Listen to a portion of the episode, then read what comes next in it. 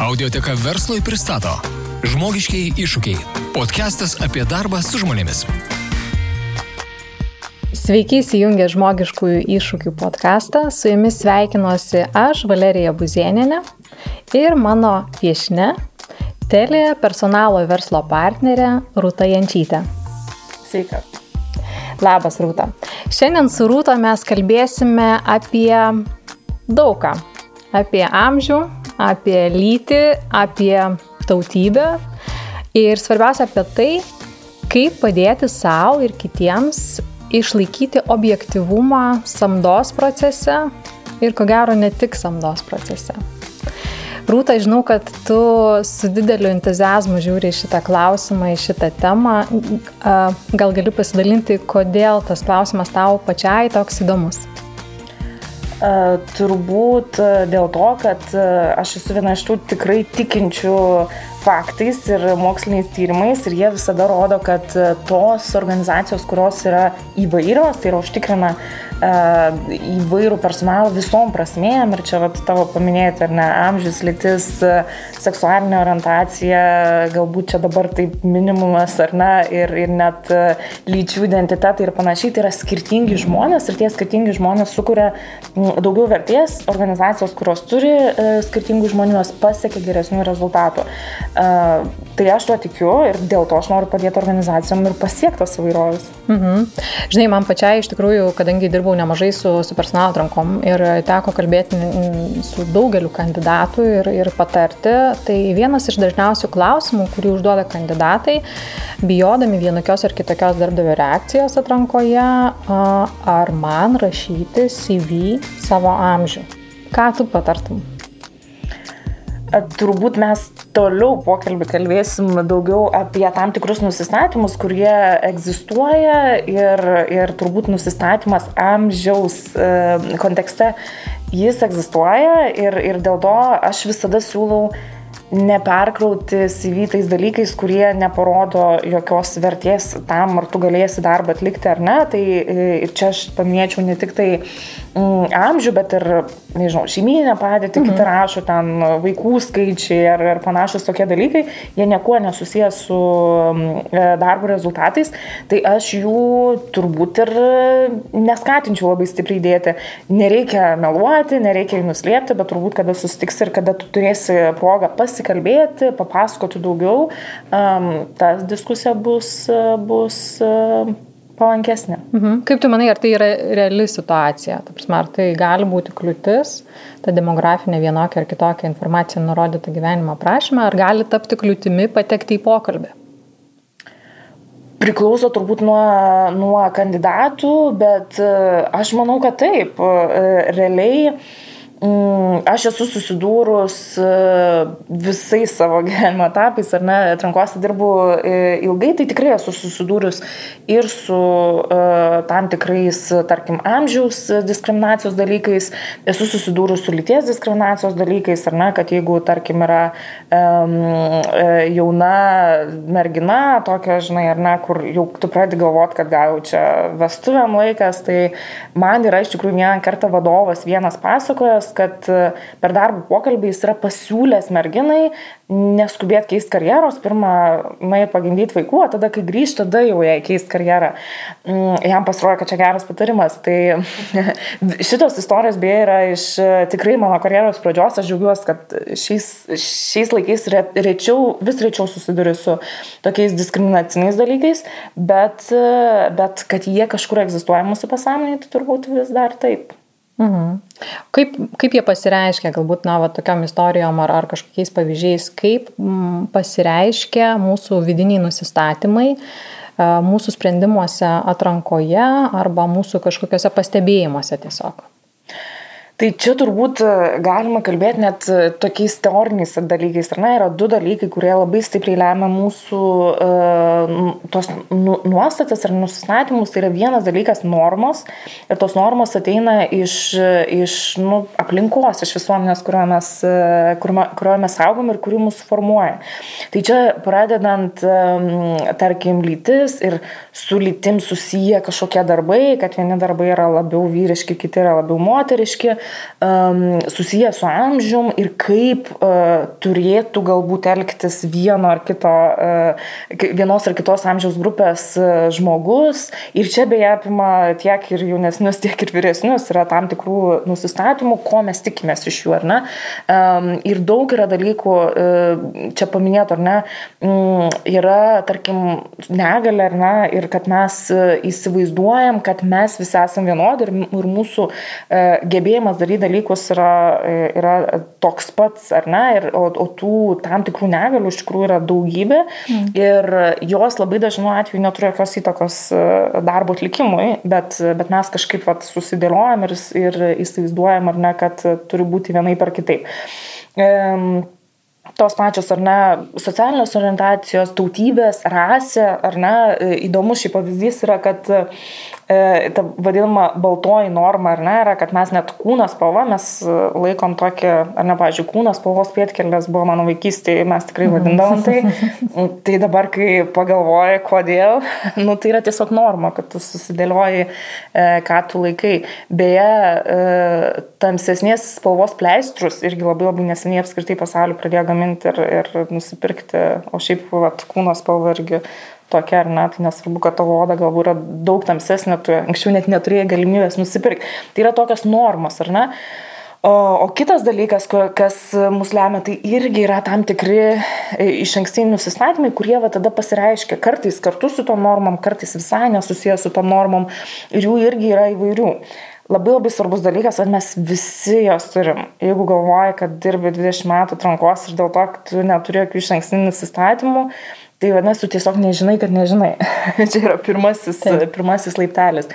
Tai kokie jie yra tie na, dažniausiai sutinkami, ar ne? E, panašumo, pavyzdžiui, e, toksai nusistatymas ar ne, kad mes mėgstam panašius į save, tai e, gali, kaip pasakyti, tu atrandi kažkokį dalyką, kartais net vizualinį, kartais kažkokią, kažkokią vat, bendrą patirtį, mokėmės kažkur vat, panašiai mhm. ir iškart pagalvoja, kad o čia jam tiks. Beje, čia įdomi istorija iš mano irgi ankstyvųjų karjeros metų mes esam kažkada e, pasiūlę kompanijai darbuotoją, kuris netitiko reikalavimą, bet reikėjo, buvo labai labai skubi iš tikrųjų e, atranka, deadline'as labai labai trumpas ir, ir reikėjo specifinio labai labai užkus reikalavimo, tam, tikro, e, tam tikros kategorijos pažymėjimo. Ir žmogus neturėjo, Mm, darbas turėjo būti sandėlyje, žodžiu, dirbti su autokrautuvu ir, ir mes nusintėm, nes mano kolegė sako, bet jis labai vizualiai panašus į vadovą, man atrodo, kad tiesiog patiks. Ir nepatikėsi, bet jį pasirinko. Aš iki dabar esu šokiruota to, kad tai pavyko, bet, bet turbūt, turbūt va, tas ir veikia, ar ne, kad tu kartais va, tiesiog tau tai patinka žmogus, kad tu nusprendai suteikti jam tą šansą. Mm, toliau yra tie tokie, ar ne, e, tai čia, žinai, kaip tu gali gauti privalumo. Bet yra aišku ir tie, kurie e, atneša to kažkokios ar ne potencialiai e, sudėtingesnio ateimo. Aš pati, pavyzdžiui, kada pradėjau mokytis apie tuos nusistatymus, labiausiai savai atradau tokį, kurį tikrai naudodavau ant rankos anksčiau pati, Rosenhaus efektas. Tai jis reiškia, kad tu labai anksti priimi kažkokią, e, kažkokią nuomonę, pirmas įspūdis mhm. ir tada jeigu tau kažkas sukėlė įtarimą, tai tu kandidatą, žodžiu, daug jam klausimai sudėtingesni, pas, pa, žodžiu, mhm. tikrini dvigubai rekomendacijų, daugiau tikrini ir panašiai, tam, kad, kad vat, jis kažkokį tau sukėlė, sukėlė įtarimą, kuris galbūt nėra nu, niekuo pagrystas. Mm, kandidatai kiti, kurie tau nesukėlė to, praeina lengvesnį atrankos procesą, tai natūralu, kad turi didesnį šansą būti pasamdyti.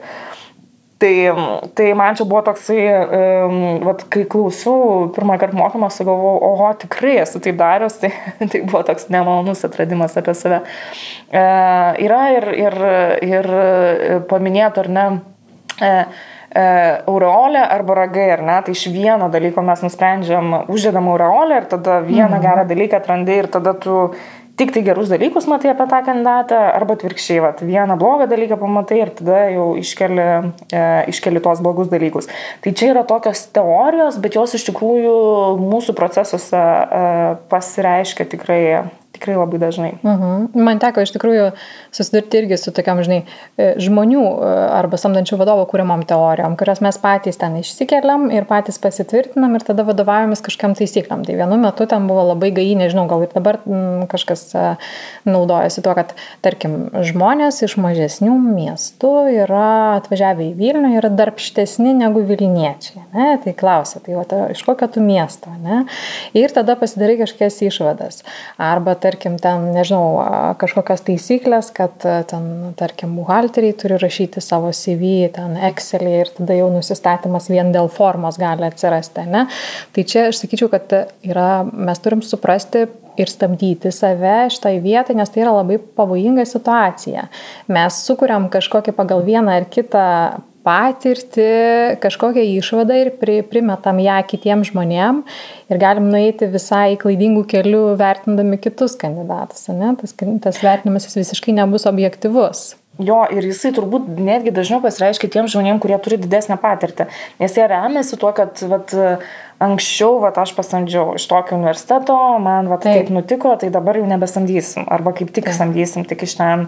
Um, tai ta vat, patirtis, um, aš visą laiką sakau vadovam, kurie kažkokiu turi tokių, ar ne, aš visą laiką sakau, kad aišku, kad nereikia atmesti savo visos gyvenimo patirties ir kiekvieną atranką eiti kaip visiškam naujokui, bet visada labai labai svarbu suprasti, kodėl aš galvoju vienaip arba kitaip, ar ne, tas vadinamas Man tenka tiek, tiek atrankų specialistų, tiek vadovų tarp išgirsti apie tą, čia angliškai pasakysiu, gut feeling, ar ne, kad mhm. aš jaučiu. Tai aš sakau jausmu, tai su manim tai mes nesutarsim, bet jeigu tu man argumentais pasakysi, kodėl tau atrodo, kad vat, kandidatas yra e, tinkamas ar netinkamas, tada mes galim nagrinėti ir tada mes galim E, objektyviais vertimo kriterijais padėti svertinti, ar iš tikrųjų taip yra. Mhm. Tai, tai jo, tokių vat, patirtim gristų, e, gristų sprendimų iš tikrųjų, iš tikrųjų mes susidėliojom ir paskui galvom, kad ai, čia rizika, tai aš geriau nesuteiksiu šansų, nors mhm. tai absoliučiai nesusiję. Bet tu paminėjai rūtą kriterijus, ne? Ir aš manau, kad pasiruošimas, atranka ir turėjimas iškristalizuoto to profilio, ko aš ieškau, iš tikrųjų labai padeda mums valdyti savo visus nusistatymus e, ir tą gut feeling irgi, nes jeigu tu tiksliai žinai, ko tu ieškai, tau lengviau bus įvertinti kandidatus ir taip pat palyginti juos tarpusavį ir priimti sprendimą. Ne? Jeigu aš turiu tokį abstrakčią viziją, kaip dažniausiai sako samdantis vadovai ir atrankis, kaip pamatysiu savo, aš pajausiu, vat, kad čia jis. Jo, tai čia yra grinai tais vat, bajas, nusistatymais mhm. vykdomos -hmm. atrankos. Ir jos, žinai, jos gali būti sėkmingos, jos gali veikti. Bet vat, nuo ko mes pradėjome, ar ne, įvairovį ištikrinti jos labai labai kenkia. Nes dažniausiai tas tie bajasai padeda tau formuoti komandą tokių kaip tu. Mhm. E, ir tada, jeigu tokia komanda suformuoja, nu būna labai faina dirbti. Mhm. Tikrai, nes jūs sutarėt, visi turit vieną nuomonę, iš karto ten e, išsakai, visi pritarė, visi vieną kryptim žiūri ir, ir tokiai patirčiai tai yra tikrai labai labai faina, bet tada atsiranda tai, kad tu nesugebi iš tikrųjų reaguoti, tai o ko iš tikrųjų reikia tavo klientam, Taip. kaip realybė vyksta, nes, nes jūs matot viską pakankamai siaurai. Panašiai. Ir dar kitas dalykas, kas e, būna sudėtinga tokiuose komandose, kad tokios komandos labai e, lengvai išspjauna antikūnius. Ne? Tai jeigu ateina naujokas, jis gali būti netgi panašus į tą komandą. Tačiau pačioj pradžioj jis dar nejaučia tų bangų ir nėra visiškai, žinai, susitapatinęs ir supanašėjęs.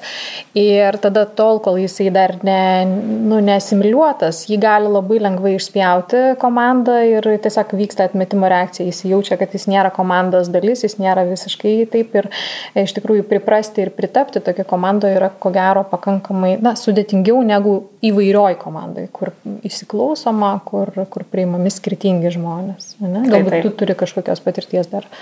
Tikrai taip, e, paminėčiau dar vieną dalyką. Labai panašios komandos turi dar vieną didelį e, trūkumą, tai yra pokyčių valdymas. Padaryti pokytį tokioje komandoje yra praktiškai neįmanoma, nes, mhm.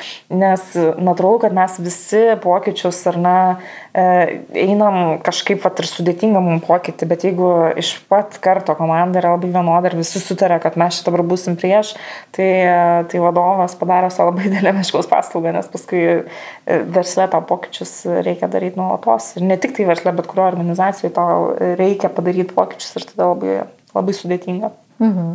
Kaip su tuo gyventi, kaip su tuo dirbti rūta? tai e, aš turbūt sakyčiau, kad e, jeigu mes norim to išvengti, tai yra e, du pagrindiniai dalykai, kuriuos aš norėčiau pabrėžti, kaip, kaip keistis ar ne ir tapti labiau įtraukiančiu, turėti gal labiau įtraukiantį atrankos procesą. Tai pirmas tai yra žinomumo didinimas. Ir vad ką aš sakiau, ar ne, kada mes pradėjom skirti tam laiko, apie tai kalbėtis teleorganizacijai, aš pati atradau dalykų, nepaisant to, kad, kad tikrai daug metų dirbu su atrankom, atradau ir pradėjau keisti savo, savo pačios procesą ir galvoti, kur čia yra tos rizikos, ką aš anksčiau darydavau, kaip man sumažinti, kad iš tikrųjų jas, jas daryčiau kuo, kuo mažiau ar neturėčiau tos galimybės daryti klaidas. E, kita dalis e, yra e, atrankos proceso standartizavimas. Mhm. Ir standartizavimas nereiškia, kad jisai turi būti ten visiškai, visiškai absoliučiai vienodas, ar ne, bet jisai, jisai turi turėti aiškius žingsnius ir paprastai visi atrankos procesai ir turi tuos aiškius žingsnius, ar ne, tavo paminėtas. Pirmiausia, išsikelimas, ko mes ieškosim, ar ne. Taip Tai yra e, tas aprašymas, tada paprastai tai yra darbo skelbimas, e, toliau yra pirminė e, kandidatų peržiūra, kur mes vėl kažkokiais kriterijais vadovaujamės, atrenkam, kas ateis iki pokalbio, tada mes darom pokalbį arba kažkokius kitokius dar plus vertinimo dalykus, nu ir tada galų galę mes atsirenkam tą kandidatą. Tai aišku, susidėliojimas, kaip mes darom kiekvieną procesą ir užtikrinimas, kad vienos atrankos kontekste tai daroma yra vienodai, yra pagrindinis dalykas, kuris užtikrina, e, kad mes turim pakankamai nešališką e, procesą ir, ir sumažina tą, tą e, riziką priimti neteisingus sprendimus. Tarp skirtingų atrankų, jeigu kompanijoje, kaip mūsų kompanijoje, nu, mes atrankinėjom viską, nuo e, tokių pradinių pozicijų iki, kur mes nuolatos ieškom žmonių, klientų aptarnavimas, e, salonų konsultantai ir panašiai, tai tiesiog labai labai natūralu, kad tau reikia kuo greičiau padaryti atranką ir tu tikrai neturi ten daugybės etapų ir panašiai, iki labai aukšto lygio vadovų, iki super ten kažkokių techninių nišinių specialistų, tai natūralu, kad atrankos skiriasi, bet jeigu aš atrankinėjau uh, du uh, ten techninius specialistus, du e, tinklo inžinierius, tai jų atranka turi būti e, tokia pati. Tik tai tokiu atveju mes išsirinksim iš tikrųjų geriausią kandidatą. Mhm. Nu, bet žiūrėk, standartizuojame tą atranką, ne? Tarkim, ieškom vat, vienoje atrankoje, susidėliojam visus etapus ir pirmam etape aš, nu, vat, visus padedu į šalį, kam virš, nu, you name it. 30, tarkim. Nes aš esu, galiu pasidalinti situaciją, e, kai dar dirbau personalo atrankos srityje, mes su kolegė nuvažiavom pas klientą, e, kuris planavo ieškoti pardavimų vadybininkų. Mm, klientai du sėdi, vienas funkcinis vadovas, kitas funkcinė vadovė ir jauni žmonės ir jie pasakoja apie tą profilį, ko jie planuoja ieškoti ir sako, nu bet žinai, čia tinka mums e, tik jauni žmonės šitai pozicijai, nes čia reikia energijos, užsidegimo, čia reikia degančių akių. Žinai, jau sako, vyresni žmonės, jie jau to nebeturi turi, jų akis jau nebežyba. Sakau, tai gerai apibrieškim, kas tai yra vyresni žmonės. Sako, nu, jau virš 30 tai tikrai. Mes taip su kolegė, žinai, susižvalgom abi jau tuo metu virš 30, išėjom, tada sakau, nu ką, akis nebežyba. jo, tai aš iš tikrųjų to, to, tokiu atveju, jeigu gaučiau tokius reikalavimus, aš užduočiau kitą klausimą. Tai būtų ne kas yra tie vyresni žmonės, o tai ką reiškia tos žybančios akis. Kaip mhm. mes galime įvertinti, kad žmogus tikrai turi to įsitraukimo. Ir vat, aš sutinku, kad tam tikrose pozicijose gali reikėti, um, galbūt ten reikia daryti daug kažkokių ten ekstra žingsnių, galbūt nėra aiškus darbo prašymas ir dėl to tau reikia dažnai eina e, elgtis ne pagal instrukcijas, o, o ieškoti kažkokių tokių sprendimų. Bet e, jeigu mes tą apsirašom, tai tada ir ieškom to kandidatuose ir tikrai ne, nesprendžiam, kad amžius ar ten lytis ar panašiai tą, e, tą nulėmė. Tai turbūt, bet pagrindiniai dalykai, kiekvieną žingsnį pažiūrėjus tuos mano suminėtus, ką ten galim padaryti ir kokie yra praktiniai dalykai. Tai pirmas darbo aprašymė, ir net kai mes išsiskiriam, ko mes ten ieškosim, tai yra labai aiškiai išsiskirsti, kas svarbu ir kodėl svarbu. Mhm. Ir, ir čia apimant tiek ir tavo paminėtą amžių, nes tikrai neturėtų figuruoti. Mes savo skelbimuose, pavyzdžiui, vengiam uh, jau rašyti ir ai, labai labai daug ten patirties e, metais uh, ir panašiai, nes mhm. paskui ten ir juokiasi, kad ieško, žinai, jaunų su dešimt metų patirties, bet labiau, žinai, žiūrėti, žiūrėti kad, kad surašyti specifiškai, ar ne, jeigu aš ieškodavau savo komandai žmonių, ar ne, ir, ir kada aš turėjau atrankų komandą, tai vietoj to, kad ten rašyti, žinai, septyni metai patirties atrankose, tai galbūt tu surašysi, kad tikrai turi būti labai stiprios žinios kandidatų pritraukime, vertinime ir, ir panašiai, ir kartais tai gali būti metus patirties turintis žmogus, kuris, kuris tą sugebės daryti, kartais gali būti dešimt metų patirties turintis žmogus, kuris nesugebės to daryti. Mhm. Tai čia turbūt svarbus aspektas. E, sunku tą padaryti, nes paskui gauni daug daugiau kandidatų kartais, tai visai tam būna paskui vadovai grįžti ir įsirašo visgi tuos metus, bet čia yra vienas ar ne dalykas. Mm.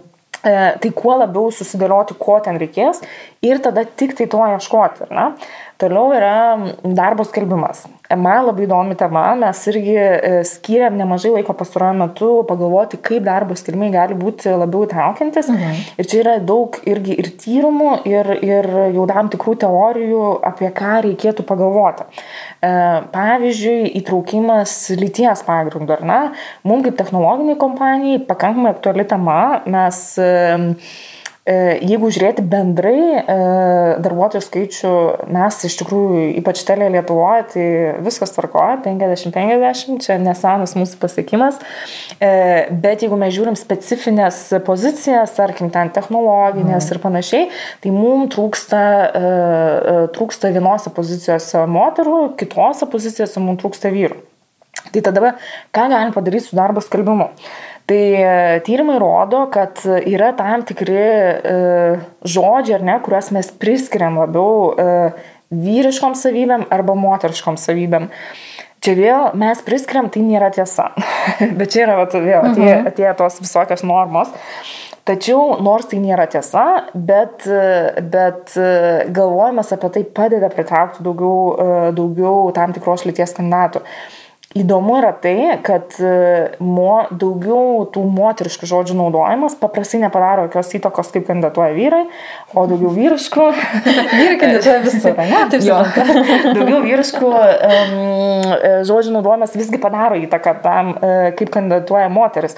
Tai vad, žinant tokius dalykus, tu iš tikrųjų gali, gali atkreipti dėmesį ir pagalvoti apie tai, kaip skirma padaryti uh, E, padaryti labiau traukianti. Juolab, kad visus dalykus iš tikrųjų įmanoma perrašyti. E, mes patys e, darėm tokius praktinius ar ne pratimus, kada pasiemam, pasitikrinam, yra daug dabar dekoderių nemokamų internete arba mokamų ten jų, kurie geriau tą daro. Tai įsidedi ir viskas, ką aš irgi išmokau, pavyzdžiui, savo gilę patirtim, viskas yra labai labai vyriški skalbimai, nes mes pripratę ieškoti tokių vat, veržlių, ambicingų ir tam pasiekti aukščiausius rezultatus. Visi tokie žodžiai, jie labiau, e, labiau pritraukia kandidatus vyrus. Mhm. Moteris kandidatės pritraukia tokie žodžiai kaip bendradarbiavimas, rūpestis ir panašiai. Ir tu kiekvieną dalyką gali rašyti iš vienos pusės ar iš kitos. Jeigu tu yra pardavimų darbas, tai uh, rūpintis klientais, uh, išsiaiškinti ir, ir, ir sugebėti patenkinti jų poreikius, tai yra vat, pakankamai e, į, į tą tokį e, labiau traukiantį tekstą parašyti, negu e, pasiekti ambicingiausius verslo rezultatus. Mhm. Iš esmės, tu, kal, tu kalbėjai apie tą patį, kad kuo daugiau parduotum, nes nu, tavo toks darbas, bet kokiu būdu tu tą parašai, tas, tas pakankamai svarbu.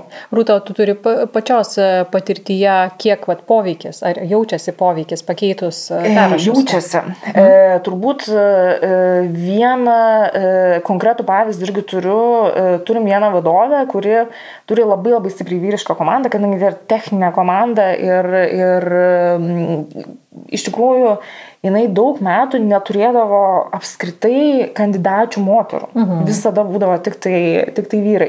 Ir va, jinai kažkurio laiku irgi išgirdo, kad tokie dalykai vyksta, bei jinai labai atsakingai m, iš tikrųjų padarė neutralų skelbimą. Tai jinai e, pasitikrino savo originalų skelbimą, jis buvo labai vyriškas, tada jinai perrašė, pasitikrino, jis tapo moteriškas, jinai visgi nusprendė objektyvumo dėlį dar kartą parašyti ir tol, kol, e, kol tas, e, ar ne, E, programėlė rodė, kad skelbimas jau yra dabar neutralus ir neturi daugiau vienokių ar kitokių žodžių. Ir jinai tada vat, paskambino man atskrai, nors net ne aš dirbau tą atranką, bet mes labai palaikom tą temą. Ir iškart pasidalino, kad jis laukia pirmų kandidačių, jos buvo tik tai dvi, daugiau vis dar buvo vyrų kandidatų, bet atsirado, ar ne? Super. E, tai vadinasi, tikrai tas poveikis yra. Bet reikia ir, ir testuoti, ir žiūrėti įvairius dalykus. Lietuvių kalba yra tokia nedraugiška, iš tikrųjų, sakyčiau, tam į, į, įtraukiantiem skelbimam, jau vien dėl to, kad, kad ar ne, kalbos komisija sako, kad vyriška formuoti yra e, privalomas kalbime, ar ne, mes negalim rašyti e, E, tik tai moteriški ar net turbūt arba vyriški arba su e, skliausteliais. Daugam tie skliausteliai nepatinka, nes jie kažkaip apsunkina, tai, tekstą. apsunkina mm -hmm. ir tekstą ir galų gale tada tu galvoji, tai kuris pirmas parašytas. Mm, mes esam testavę kažkada irgi Vat, kas kažkada mums uh, nutiko, mes pabandėm, o kas jeigu tu vat, įimi, tarkim, stipriai vyrišką poziciją ir rašai uh, pirmą moterišką, o paskui, paskui vyrišką, tai vat, čia tai iš tikrųjų pasiekėm to, kad vyrai nustojo kandidatuoti, tai kažkaip vat, irgi tada išmėm tą skelbimą, nes buvo uh, tinklo inžinieriaus pozicija, čia prieš keletą metų mes būtent lietuvių kalbą tą testavom, uh, visada turėdavom kandidatų ten kažkoks kiekis ir pabandėm dėti tinklo inžinieriai su skliausteliuose inžinierius. Ir moteris nepradėjo kandidatuoti, vyrai nustojo. tai tada grįžom prie, prie originalios formuluotės, nes e, būtent e, tas įtraukiantis e, atrankos procesas jis neturi sumažinti to kandidatų, jis turi padidinti. Tai jeigu, tai jeigu tu nepasieki to, tai tu turi daryti užbaigtą testavimą ir pradėti naują testavimą. Mhm, super, įdomu, kas toliau vyksta? Aptariam. Tai dabar yra pirminė, e, pirminė atranka. Tai čia yra labai svarbu, kas daro tą atranką ir pagal kokius kriterijus. Nes vėlgi, e, jeigu mes aptariam specifiškai, kas yra reikalinga, kad tam tikra patirtis, tai to reikia ieškoti. Tai jeigu mes pradedam jau ten žiūrėti amžius, lytis ir panašiai, tai, tai mes vėl savo visą padarytą įdirbį mes, e, mes kaip ir užbaigiam šitoje vietoje. E, įdomus dalykas, kad, kad čia tikrai labai stipriai pasireiškia uh, nuostatos. Um, ir, ir atsakymas turbūt uh, čia yra arba teisingai automatizuoti tą, arba tikrai irgi galvoti e, e, tiesiog ir apmokyti tos žmonės, kurie tai daro, kad, mhm. kad jie m, turi labai labai aiškiais kriterijais remtis. Kodėl sakau teisingai automatizuoti? Nes e, yra turbūt girdėta istorija apie Amazon patirtį, kada jie įsidėgė e, dirbtinį intelektą, vat, screeningo procesui, e, bet dirbtinį intelektą apmokė praeities duomenimis. duomenimis mhm. Tai intelektas išmoko, kad techniniai kompanijai sėkmingiausi yra baltieji vyrai, tai tokius ir, ir atrinkdavo kitus etapus. Stengiasi. Tai, jo, tai, tai ir beje, e, tą atrodo, ką pasiekia ne, ne įvairios komandos. Tai dirbtinius intelektus, jeigu kuria ne įvairios komandos, tai jos paskui ir padaro tokias klaidas kurios daro didelę įtaką vėliau, ar ne, tam buvo baltodžiai vyrai, sėkmingiausias profilis, o visų kitų nebereikia. Tai aišku, natūralu, kad yra specializuotų įrankių, kurie labai galvoja apie būtent nešališką tą atrankos procesą ir ten jau tikrai manau, kad įmanoma rasti tam tikrų įrankių, kurie padeda tą dalyką padaryti. E, kitas dalykas yra, žmogus turi labai labai stipriai galvoti, ar ne, kad man e, nedarytų įtakos. Jeigu įmanoma ir jeigu kandidatų yra tikrai daug ir tu turi papildomus įrankius, čia galima investuoti ir į kažkokį objektyvų e, kriterijų, kuris tau padeda atsirinkti. Arba tam tikri klausimai, kuriuos tu užduodi ir būtent tu jiem dedi didesnį, e, e, didesnę vertę, o ne tik tai kažkam, kas parašyta yra CV. Mes esam pilotavę Ir vėl ant savęs išbandžiau ir visiškai, visiškai e, padėjo man iš tikrųjų būti mažiau nešališkai, tai yra naudoti vertinimo testus. Kada aš dariau savo atranką Švedijoje, iš tikrųjų buvo labai labai daug kandidatų, tikrai daug. Ir man tikrai buvo labai sunku atsirinkti ir aš pajutau iš tikrųjų, kad aš jau pradėjau, nu taip šališkai rinktis. Ai, čia ne švediškas vardas pavardė, čia vat tas galbūt, nes aš tiesiog, nu aš fiziškai neturėjau tiek daug laiko pakalbinti visų tų kandidatų. Ir tada tu pradedi ne visai e, turbūt tinkamais e, kriterijais e, susimažinti savo darbo. Mm, ir tada mes pasitarėm su kolegė, nusprendėm pabandyti testus, sudėliojom kompetencijų profilį pagal testus, prašydom kandidatų metų vat, po pirminio etapo, ar ne, kad mes tiesiog pasižiūrim bendrai, bendrai, ar atitinka, ar turi patirties tokios, kokios mums reikia, nedėjom jokių reikalavimų nei, e, nei kalbai netgi ir panašiai, ir tada duodavom atlikti kandidatam ir tada mes jau atsirinkom tuos, kas geriausiai tikdavo kompetencijų profilį. Ir tokiu būdu aš dar pakalbinau ir įvairių iš tikrųjų tautybių žmonių, nebūtinai jie visi kalbėjo, pavyzdžiui, švedų kalba, bet jinai tikrai nebuvo ir, ir mhm. labai svarbi, jinai buvo gal taip nu, fainai, jeigu kalbėtų, bet iš tikrųjų darbui to nereikia. Ir, ir tas, padėjo, tas padėjo iš tikrųjų daugiau kandidatų vertinti. Beje, finaliniai kandidatai e, vis tiek buvo švedai, bet, bet tiesiog tu jau praėjai patį tą procesą ką sako ar ne e, mokymai, kad tu vis tiek negali pasirinkti silpnesnio kandidato e, vien dėl kažkokio įvairovės dalyko. Bet, jo, bet mhm. kuo tu objektyvesnis padarai pirmus etapus, tuo mažesnė žalą padarys tavo baisai, kurie vėliau mhm. įsijungs. Tai tu kalbi rūta apie tai, kad įvertinimą patį kompetencijų įvertinimą mes turėtumėm pastumti šiek tiek daryti anksčiau procese ir remtis būtent tą medžiagą. Jeigu įmanoma, jeigu įmanoma, mhm. aš vėl sakau, uh, E, standartizuoti procesą reikia e, tokiuose pačiose atrankose. Tuo atveju aš galėjau tokį, e, tokį sprendimą pasirinkti, nes aš jau daug kandidatų. Mhm. Jeigu, pavyzdžiui, tu atrinkinėjai nežinau, programuotojų šiais laikais, ar ne, ir tu sakai, kad mes nebūtumėm šališki, mes darysim kaip pirmą etapą asmeninių savybių testą. Uh mhm. -huh. Tai tu jau taip neturi ką kalbinti. Tai iš vis vieną išsitestuojam ir... iš vis nebeturės, nes jie dar atsisakys ar ne tą testą pildyti, kadangi vis, visi ekstra žingsniai atrankos procese e, sumažia kandidatų, kurie sutinka dalyvauti tame procese. Tai dėl to nu reikia, nu reikia savo atsakyti, tu ne, nepadarysi pilnos įvairovės strategijos, jeigu tu neturi tų, iš vis neturi kandidatų, kuriuos kalbinti, kurie atitiktų tavo tuos bazinius reikalavimus. Tai dėl to čia reikia atsirinkti, kada tai sukuria vertę, o kada tai vertės nesukuria. Ir, ir testų taikymas nu, turi būti, tu turi žiūrėti, kada, kada tai sukurs daugiau vertės. Tada, vat, kada mes kalbam apie patį jau kitą procesą, ar net atsirinkom kandidatus, kviečiam į pokalbį. Tai čia yra e, struktūruotas interviu, yra atsakymas mhm. ir natūralu, kad tu vis tiek kalbėdamas su žmogum, tu kažkokių ekstra klausimų užduosi, bet tu turi praeiti visus vienodus, vienodas temas, vienodus klausimus. Pats svarbiausias dalykas turbūt irgi išmoktas mūsų, e, tai yra, jeigu tu tikrini tą techninę kompetenciją, va čia yra labai, labai svarbu daryti tą, e, daryti tą vienodai. Mm, čia irgi turiu įdomią istoriją, kurią pasidalino irgi viena iš mūsų samdančių vadovų. E, kuomet e, atrinkinėjo irgi techninę poziciją visiškai ir jinai pasikvietė e, kolegą padėti vertinti techninius reikalavimus tai mhm. pozicijai. Ir jie kalbino keletą kandidatų ir buvo e, vyrai ir buvo e, moteris, ar ne? Ir e, kada, kada tas techninis ar ne intervuotojas kalbino vyrus, tai jis užduoda klausimą, kokia tavo patirtis su šitą technologiją. Jie atsako, jisai priima, kad viskas tvarkoja, juda į kitus klausimus. Dabar, kada buvo kandidatė moteris, jis uždavė tą klausimą, kokia tavo patirtis su tokia technologija. Jinai atsako klausimą, tada seka kitas klausimas, kuris yra, o kaip tu sukonfigūruotum va, konkrečiai tokį dalyką. Tai absoliučiai nevienodai tu vertini mhm. techninės žinias, nes e, jau apskritai pasakyti, kaip tu sukonfigūruotum kažką, o nesukonfigūruot jau yra labai labai sunkus klausimas, nes tu gali gebėti, bet supasakot, kokius tu ten žingsnius, ką tu ten spausi, yra labai sudėtingas mhm. dalykas. Bet vat, čia įsijungia iš tikrųjų tas šališkumas ir ne, kad tai yra vyriška, moteriška pozicija, ar ne? Ir, vat, o kas įtarimas... konkrečiai čia įvyko, Rūta, kaip tu manai?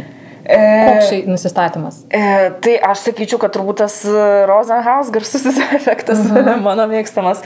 Tu nusprendi, kad, kad greičiausiai, nu, vat, neįtikėtina, kad jinai galėtų mokėti taip pat ir, ir turbūt jinai gal ten dirbo, bet jinai taip neišmoko, kaip išmoko Mm, e, kiti kandidatai, nors tai nebūtinai yra tiesa. Tai arba tu visiems duodi tokio, Taip. tokius klausimus, arba tu duodi tik tai, arba tu neužduodi niekam. Mhm. E, įdomus dalykas, beje, kad vadovai pasidalino su, su tuo žmogum grįžtamojo ryšiu, jis pats to nejutė jam tai buvo, jam pačiam tai buvo naujiena, kad jis tai padarė.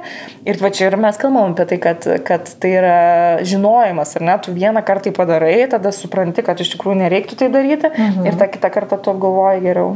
Bet žiūrėjau, užkabinai labai irgi svarbu aspektą, kad kai atrankoje mes dalyvaujam ne po vieną, tai yra didžiulis privalumas. Ir tą išgirsti grįžtamą į ryšį iš šono, kito vertintojo, kad žiūrėk, va čia buvo kažkas, ne, ir tau pačiam priimti tą grįžtamą į ryšį yra labai naudinga informacija. Tai čia vat, labai raginčiau iš tikrųjų kviestis kitus žmonės į savo pokalbius ir prašyti feedbacko, kur įsijungia jūsų tie nusistatymai, nesąmoningi galbūt ir jūs galite jų net nepajausti, tačiau gali labai lengvai nuslysti į tuo tokiu neobjektivumo keliu. Iš tikrųjų, tikrai, tikrai taip.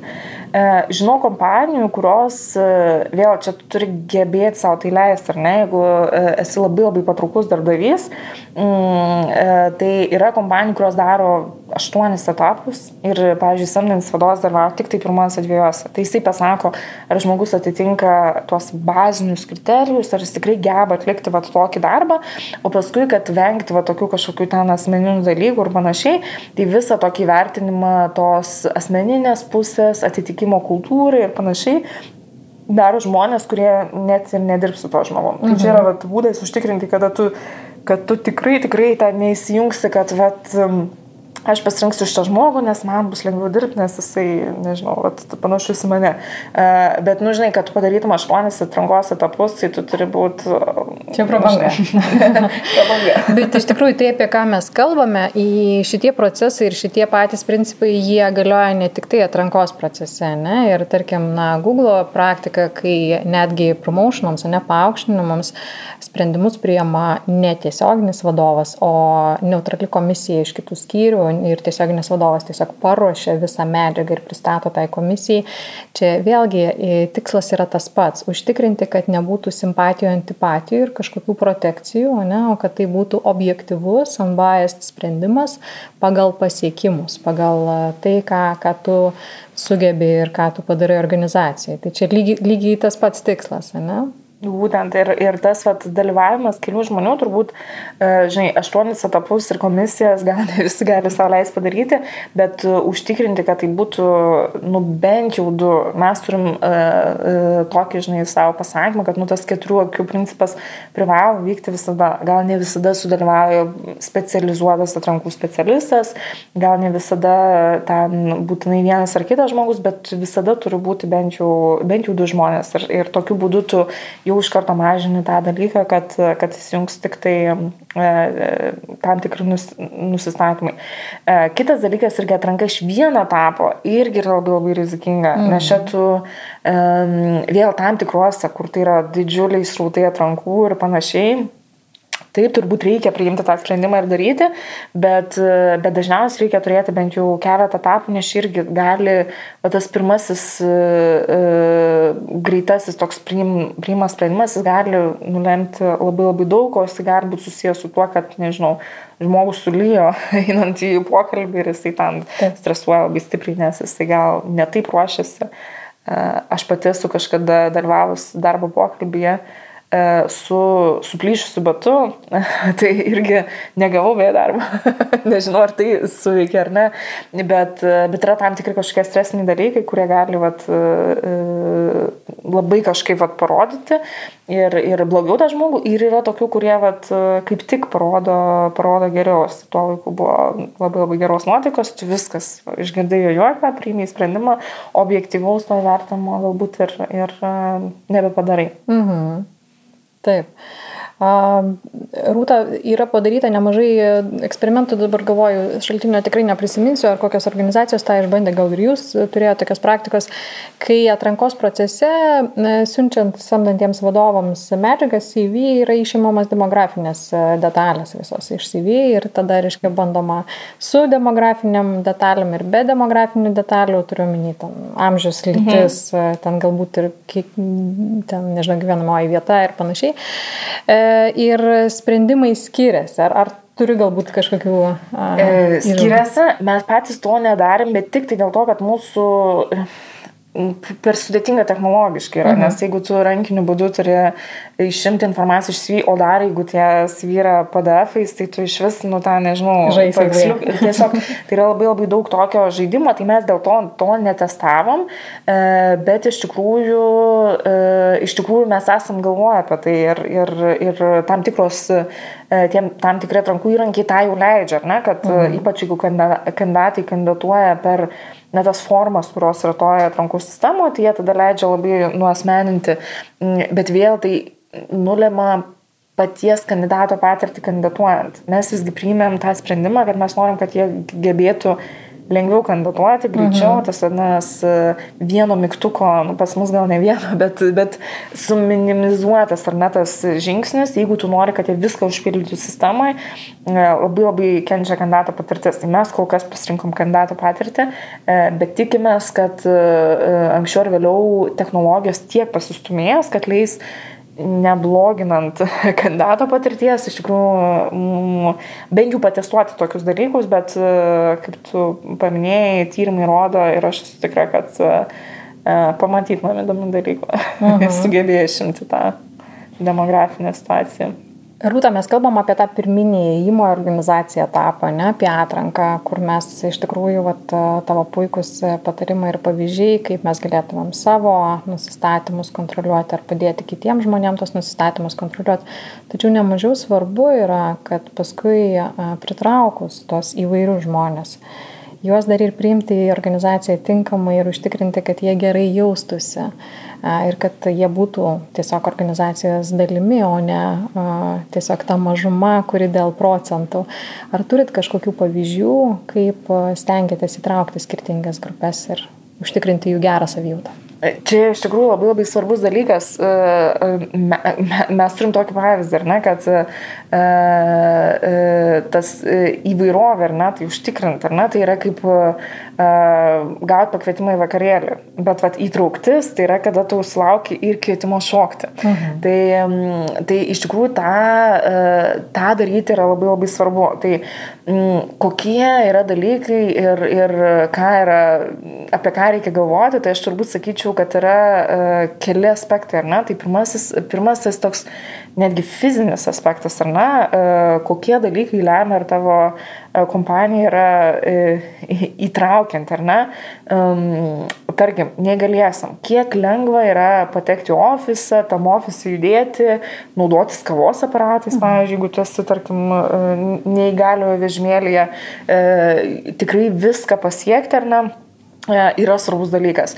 Um, kitas dalykas irgi, pavyzdžiui, uh, nežinau, tualetai, ar ne? Ar jūs turit bendrus tualetus, ar jūs turit tuos uh, pagal lytis, ar ne, tik vyru ar moterų, ar ne? Jeigu tai yra tik tai vyru ir moterų, ar ne, ir, ir tu turi kažkokį darbuotoją, kuris startuoja ir turi galbūt kažkokiu, kažkokį kitą identitetą, ar ne, tai, nu, vat, ką jam daryti, tai ar jai daryti, ar kažkaip kitaip, ar ne, kaip, kaip žmogus pasirenka, tai va tokie dalykai. Uh, jie daug nulėmė. E, toliau tas pats yra ne, ir su tam tikrais e, kalbiniais dalykais, ar viskas yra pateikiama tik tai tavo, e, tarkim, ta vietinė kalba, ar, ar turi galimybę žmonės, kurie kurie kažkaip, kažkaip kitaip kalba, ne, ar jie sugebės pristaikyti ar nesugebės. Tai aš sakyčiau, nu, žinai, tokių, tokių yra dalykų, žinai, fiz, fiziniai. Paskui yra irgi e, tam tikri e, politiniai tokie dalykai, kuriuos tu gali, gali identifikuoti. Pavyzdžiui, mes turėjom kažkada tokią diskusiją apie papildomas naudas. Mhm. Jeigu tu turi papildomas naudas, pavyzdžiui, santokos atveju, Mhm. Tai ar tu turi, tarkim, nežinau, ten tas lais, laisvadienius ar išmokas, tada, kada yra vienos lyties žmonės, kurie pasirenka, uh, ne Lietuvoje turbūt šiom dienom dar tai yra, nes tos galimybės nėra, bet vis tiek yra žmonės, kurie renkasi galbūt kažkurioje kitoje šalyje tą daryti, tai ar tavo politikos leidžia suteikti tą žmonėm? Um, jeigu uh, išdėsim su partnerystės įstatymu, ar mes tada irgi tą prilyginam uh, ir suteikiam tas papildomas naudas, ar nesuteikiam? Tai yra vat, tam tikri dalykai, kuriuos vat, tu gali sukonstruoti, sukonstruoti savo tam tikrais procesais, politikom ir panašiai, kurie gali padėti tau padaryti tą organizaciją uh, labiau įtraukiančią. Um, atostogų dienos yra svarbus, pavyzdžiui, aspektas. Vėl Lietuvoje rečiau mes susidurėme, mes esame tikrai labai homogeniška visuomenė iš tikrųjų, mhm. bet, bet, pavyzdžiui, visos didžioji dalis laisvų dienų yra susijęs su religiniam šventėm, tam tikros religijos. O kaip yra žmonės, kurie išpažįsta kitą religiją, e, kaip mes užtikrinam, kad jie gali švęsti savo šventes ir tam pasimti laisvadienius, ar jie būtinai turi naudoti savo atostogas, ar mes sutikėjimėm kažkokį kitą E, kitą dalyką. E, ką mes švenčiam kompanijoje, ar ne? Ar mes tik tai kalėdą švenčiam, ar mes ir, ir ieškom kažkokių paminėjimų kitokiom šventėm, kurios įtrauktų įvairesnius žmonės. Tai čia turbūt yra svarbus dalykas. Mm, ir visa, šitą, visa šitą, aš sakyčiau, yra lengvai sutvarkoma. Kas yra sunkiausia, tai yra kultūra. Mhm. Ir kultūra tai yra, va čia tai yra, tu turi žingsnis po žingsnio žengti. Tai yra, kas priiminėja sprendimus, kas gauna pasisakyti, e, kas, kas, pavyzdžiui, jeigu tai yra, tarkim, nežinau, net valdyba, kurioje tu jau pasakėjai, kad yra ir vyrų, ir moterų, o kas yra tie, kurie, tarkim, daro užrašus. Yra įdomus dalykai iš tikrųjų, kad, kad, tas, kad tas tikrai, tikrai stipriai, stipriai pasijaučia. Svarbus dalykas, pavyzdžiui, iš ko tu tikiesi, kad jie turi priimti tavo tam pokščius, ar ne? Apie ką tu pokštų ir tu tikiesi, kad, nu, bet čia, žinai, mūsų kultūra. Mm, ar tikrai turi būti kultūra tokia, kuri yra kažkaip va, išaukština vieną grupę žmonių, o nužemina kitą, turbūt, nu, va čia ir, ir reikėtų pagalvoti apie tai. Ir kultūriškai to tikrai yra labai daug pas mus. Nes mes taip esam pripratę ir mums atrodo, kad, kad e, čia vat, žmonės turi pristaikyti prie mūsų kultūros, iš tikrųjų reikia mums keistis. Jeigu mhm. norim būti įvairūs, mums reikia keistis. Ir va tą kultūrą tai sunkiausia turbūt, bet tas irgi yra per pastebėjimą, per grįžtamą į ryšį, per, per mokymas iš klaidų, kurios įvyksta. Mhm. Žingsnis po žingsnio apie begalinį jautrumą, ko gero, savo, savo aplinkiniams, ne? Ir kartais jautrumas gali būti pagalvoti apie tą kitą žmogų, kuris yra kitoks ir kaip mes galim prisitaikyti tam, kad priimtumėm kitokį, o kartais pagalvoti, kad šiuo metu mes esame homogeniški, ne? Tačiau jeigu rytoj mes, pas mus atsiras kitoks žmogus, tiesiog kitoks kažkuom, ne? Ką mes darysim, ne, ir kaip mes reaguosim. Ir ko gero ruoštis proaktyviai ne tik tai šiai dienai, bet ir galvoti ir apie būsimus laikotarpius. Jo, ir turbūt svarbus dalykas, kad mes ne visada žinom ir, ir tuos skirtumus, dalį skirtumų mes, e, e, mes pastebim, ar ne, ar tu gali tam tikri skirtumai, nu, tu iš karto atpažįsti, bet dalis skirtumų yra tokių, kurių mes nepasim ir dėl to vat, žmonėm, kurie, e, kurie galbūt vat, turi tą skirtumą, jam kartais net sunku tau pasakyti ar paprašyti, kad tu nesielgtum vienai par kitaip. Mm, pavyzdžiui, vat mes, kad irgi ruošiame savo tuos nešališko, nešališko trankų mokymus, vieną dalyką, kurį aš išgiriu, aš irgi to nežinau, bet čia vat irgi, nu, tai čia mano bėda, ne, ne, ne tų žmonių.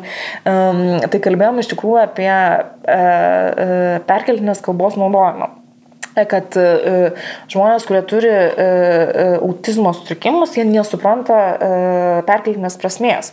Ir, ir vat, jeigu tu esi pratęs naudoti, tu kartais gali, gali nu, tiesiog vat, tam tikrą savo kalbą sukurti aplinką, kurie e, neįtraukianti e, pilnai ar ne tam tikrų žmonių. Mm, vėlgi jeigu tu niekada nesusiduri su kitokiais žmonėmis, tai turbūt, turbūt tu ir nesužinosi tokių dalykų. Tai vienintelis būdas turbūt yra bendrauti. Jeigu tu nori pritraukti ir būti įvaires, įvairesnė organizacija, tu turi kalbėtis, kalbėtis daugiau. Ir aš pati tikrai turiu dar daugybę dalykų, kuriuo aš nesuprantu ir, ir tikiu, kad, kad E, kad e, dažnai tas pasireiškia. E, man visą laiką yra labai smagu su mūsų kolegom iš kitų šalių, pavyzdžiui, jeigu turim homoseksualių žmonių, kurie jie taip laisvai gali kalbėti apie savo kasdienybę, ko aš Lietuvoje niekada negirdžiu, ar ne, kad tu gali atsimenu, aš kalbuosi su kolega, žinai, per video konferenciją ir jisai sako, atsiprašau, kad ten yra triukšmas, mano vaikinas grįžo iš darbo, jis ruošiasi ten eiti miegoti, nes jis ten dirbo naktinę paminą. Ir tu taip supranti, wow, vat, kai mes pasieksim tokį lygį, kad kada mes taip galėsim kalbėti, tai va čia tada ir bus ta kultūra, kuri bus iš tiesų įtraukianti, kad mes, kad kad ne tik tam tikros grupės galės labai labai laisvai save pilnai atskleisti. Tai čia mano tokia svajonė. Mhm. Bet dar, mhm. dar labai gražiai. Koks tavo būtų patarimas, galbūt žmonėm, kurie abejoja dėl kažkokių savo demografinio aplinkybių, ieškodami darbo ir taip pat kitai grupiai, tie, kurie dalyvauja atrankose ir šiandien prieima sprendimus pagal tą demografinę arba kitą informaciją? Tai tiem, tiem kurie ieško, tai aš turbūt linkėčiau kantrybės, darbo paieška sunkiai yra visiems.